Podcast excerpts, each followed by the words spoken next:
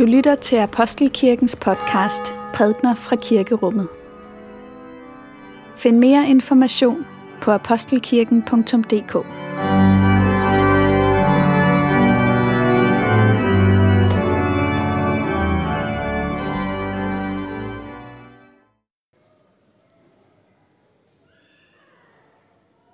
Godmorgen. Velmødt til gudstjeneste denne anden søndag i advent. Gudstjenesten i dag er en særlig gudstjeneste, fordi der er ni personer, der skal døbes. Så det er jo en festlig anledning. Og så skal vi også høre en lignelse om de ti brudjomfruer. Og det er jo udgangspunktet også en festlig ting med bryllup, men det er også en formaningstekst, der handler om ikke at falde i søvn. Så lad os nu først blive stille og samle vores tanker, mens vi lytter til bedeslagene. Således står der skrevet hos profeten Esajas. Men der skyder en kvist fra Isais stup, en, et skud gror frem fra hans rod. Over ham hviler Herrens ånd, visdoms- og indsigtsånd, råds- og styrkesånd, kundskabs- og gudfrygtsånd. Han lever og ånder i frygt for Herren. Han dømmer ikke efter, hvad hans øjne ser, fælder ikke dom efter, hvad ørerne hører – han dømmer de svage med retfærdighed, fælder retfærdig dom over landets hjælpeløse. Han slår voldsmanden med sin mund stok, og med læbernes ånde dræber han den uretfærdige.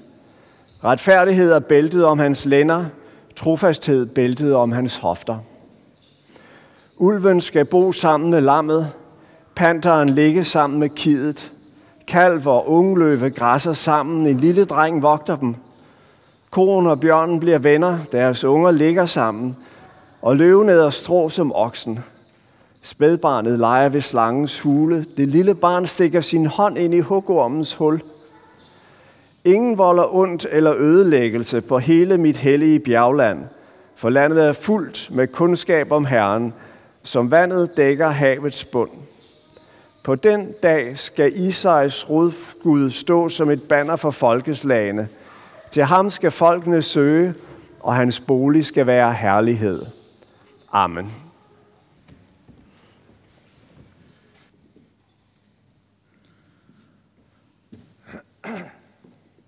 Og dagens prædiketekst er hentet fra Matthæus evangeliet. Lad os takke for Guds ord. For Guds ord i skriften, for Guds ord i blandt os, for Guds ord inden i os, takker vi dig, Gud der skal himmeriget ligne ti brudepiger, som tog deres lamper og gik ud for at møde brudgommen. Fem af dem var tåbelige, og fem var kloge. De tåbelige tog deres lamper med, men ikke olie. De kloge tog både deres lamper med og olie i deres kander. Da brudgommen lod vente på sig, blev de alle døsige og faldt i søvn. Men ved, ved midnat lød råbet, brudgommen kommer, gå ud og mød ham. Der vågnede alle pigerne og gjorde deres lamper i stand. Og de tåbelige sagde til de kloge, Giv os noget af jeres olie, for vores lamper går ud. Men de kloge svarede, Nej, der er ikke nok til både os og jer. Gå heller hen til købmanden og køb selv. Men da de var gået hen for at købe, kom brudgommen. Og de, der var redde, gik med ham ind i bryllupssalen, og døren blev lukket. Siden kom også de andre piger og sagde, Herre, herre, luk os ind. Men han svarede, Sandelig, sandelig siger jeg jer, jeg kender jer ikke. Våg derfor, for I kender hverken dagen eller timen.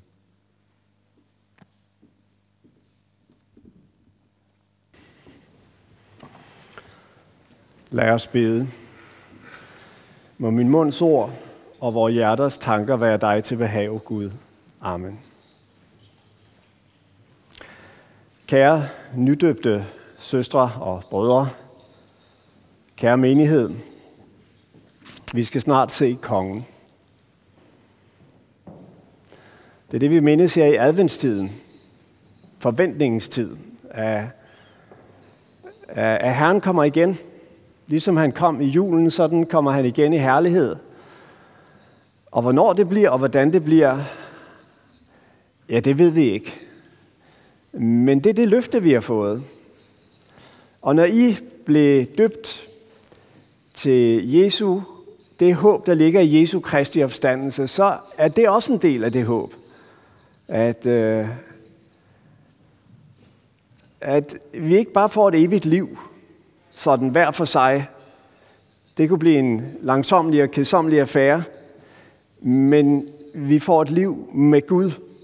At han kommer, og når han kommer, så skal der ikke mere være gråd. Der skal ikke mere være sygdom og død og smerte og konflikt og krig. Alt det skal være overstået. Så er sejren endeligt vundet. Men den tekst, vi har læst i dag, den minder os om, at der er en fare forbundet med ventetiden. Og den fare, øh, det er ikke en, øh, hvad skal man sige, ekstern fare. Det er ikke sådan en fare, man kan bekæmpe med, med svær og våben. Det er søvnens fare. Og Jesus opsummerer budskabet i den lignelse, han fortæller og siger, våg derfor. Våg. Hvad, hvad vil det sige at våge? Det er jo ikke helt det samme som at være vågen. At våge vil sige at være vågen, mens andre sover. Eller at være vågen, når man tænker, at man kunne sove, eller har lyst til at sove. At våge, det er at kæmpe mod søvnen. Og det er den kamp, som Jesus i dag inviterer os ind til. Når man først er faldet i søvn, ja, så kan man ikke vække sig selv. Så er man ligesom et andet sted henne. Men, men mellem det at være vågen og være sove, så er der et mellemstadium. Og det er et stadium, der beskrives i dagens tekst. Der står nemlig om den, at da det trak ud, så blev de døsige og faldt i søvn. Så det er altså den her tilstand af døsighed. Og, og, og døsig, det ord, som er brugt i den græske grundtekst, det er, at der betyder det at blive døsig egentlig at nikke. Vi kender fænomenet. Man sidder til et øh, foredrag eller en prædiken, og, og, og så lige pludselig så sker der det her. Altså, man, man mister ligesom et øjeblik kontrollen med sit hoved, det synker nedad, og så lige pludselig den her pludselige bevægelse op igen, når man bliver klar over, hvad der vil ske. Øhm, det er døsighed. Det er øh, bogstaveligt talt, at man begynder at nikke. Og jeg ved ikke, om, om I kan genkende den rytme fra jeres liv. Altså, der er sådan øh, øjeblikke, hvor man, man, man får en vis klarhed over, hvad der egentlig er på færre i ens liv. En, en åndelig klarhed over, for sit, over sit liv. En, en taknemmelighed måske, en anger.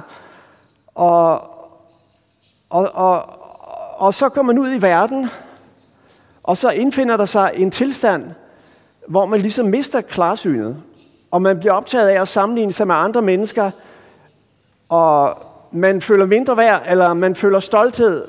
Og alle disse ting er tegn på, på, at man er ved at komme ind i den her nikketilstand, i den her døsighed, hvor hovedet falder ned, hvor man mister klarsynet.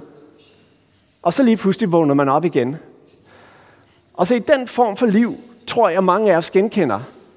Altså et liv, hvor man har øjeblikke af åndelig indsigt, og så har man lange perioder af hvad skal man sige, en form for åndelig slummer, og man hele tiden har brug for at blive vagt op. Ja, for nogle af os er det måske ligefrem sådan, at det er en del af dagsrytmen, at vi starter dagen med en form for stille time, hvor, eller stille tid, hvor vi ligesom øh, søger at, at, at, at bede til Gud og søge ind i hans nærhed. Og så øh, går vi ud i verden, og så mister vi orienteringen, og hovedet synker ned, indtil vi så bliver vagt op igen. Se, det er en tilstand af, af døsighed, som beskrives i dagens tekst. Og, og det, der er det særlige ved den her tilstand, det er, at, at man kan gøre noget ved den. Man kan ikke gøre noget ved det, når man først er faldet i søvn, men i den her tilstand af døsighed, så kan man gøre noget.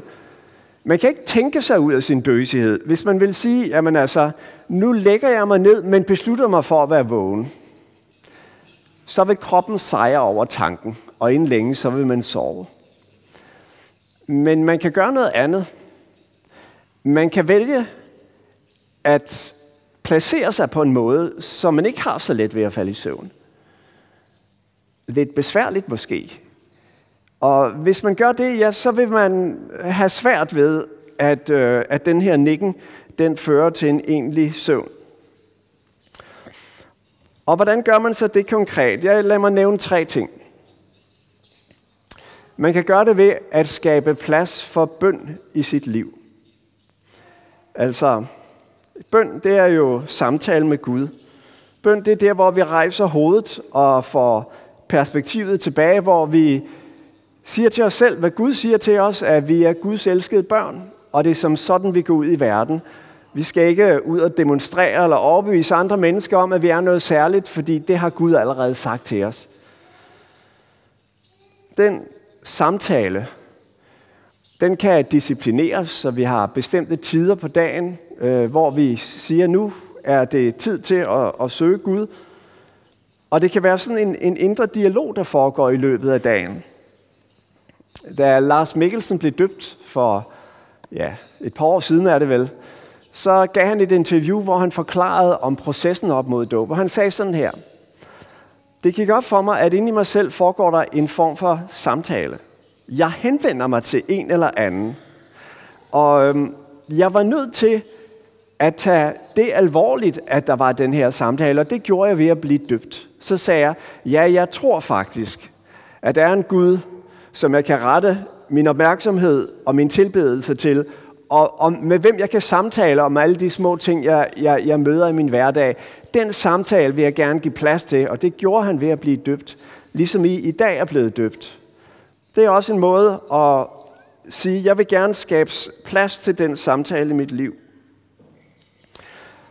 En anden ting er at tage del i fællesskabet. Altså hvis man er ude og køre bil og er bange for, at man skal falde i søvn over rattet, så er der ikke noget bedre end at have en ved sin side, som man er i samtale med. Så man hele tiden ligesom bliver gennem dialogen mindet om, at man øh, faktisk øh, sidder her i en bil, og man har en opgave foran sig. På samme måde er det at være en del af det kristne fællesskab, både i hjemmet og på internettet, men altså også i kirken, når vi samles, og løfte sin stemme og lovsynge Gud, det er alt sammen med til at holde os vågne. Og så for det tredje, at søge det, der er opbyggeligt, og ikke det, der er adspredende. Det opbyggelige, det er jo det, der leder os ind til den, det, det, der er væsentligt, det, der er grundlæggende, det, der bygger os op fra grunden af. Det adspredende, det er alt det, som kan være pigerne for vores interesse eller nysgerrighed, men som i grunden ikke er med til at minde os om, hvad vi er sat i verden for, og hvad vores liv handler om. Den engelske forfatter C.S. Lewis skrev en, en, en, en bog, som hedder Djævelske breve, som er en slags samtale, øh, øh en brevveksling mellem to djævle. En erfaren og en mindre erfaren djævel, som begge to altså er i gang med at ville forføre menneskene, få dem til at slumre og falde i søvn. Og der er en beskrivelse, hvor den øh, erfarne djævel ligesom sætter den unge djævel lidt i rette – fordi at hans klient, som han siger, hans menneske, har en dag siddet ved sit arbejdsbord og lige pludselig fået nogle alvorlige tanker. Nogle tanker omkring, hvad han i grunden er i verden efter, og en længsel efter at have en at vende sig mod. Og den her unge djævel har sagt til sig selv, nu, nu må jeg hellere argumentere for, at der ikke findes nogen Gud, og det ikke giver mening. Og den gamle djævel siger, nej, nej, den slags skal gribes helt anderledes an. Du skulle bare have mindet mig om, at han var sulten, og at man tænker ikke godt på tom mave, og så skulle du få ham ned på gaden. Og når han først var nede på gaden, og inde i butikken, og så avisoverskrifterne, og mødte en gammel bekendt, så vil han inden længe være adspredt. Og de der øh, vanskelige, dybe tanker, dem vil han være fuldstændig lettet fra. Det er den vej, der skal til. Adspredelse er tilstrækkelig. Argumenter er slet ikke nødvendige. Og vi skal ikke undervurdere adspredelsens magt, heller ikke i den tid, vi lever i, hvor vi bliver bombarderet med historier øh, og billeder, som tiltrækker sig vores opmærksomhed. At leve overvågent, det er at leve sådan, at den adspredelse ikke kommer til at dominere i vores liv. For kære venner, vi skal snart se kongen. Kristus har vundet sejren, og den sejr har vi del i, og en dag så skal vi se det fuldendt i vores liv. Hvornår det bliver, det ved vi ikke. Hvordan det bliver, det ved vi heller ikke. Vi ved ikke, hvad der kommer, men vi ved, hvem der kommer. Og det er den forventning, i den tro, at I er blevet døbt til den kristne tro i dag, og at vi fejrer, og at vi fejrer advent i disse uger. Lov og tak og evig ære være dig, vor Gud, Fader, Søn og Helligånd, du som var og er og bliver en sand treenig Gud, højlovet fra første begyndelse nu og i al evighed. Amen.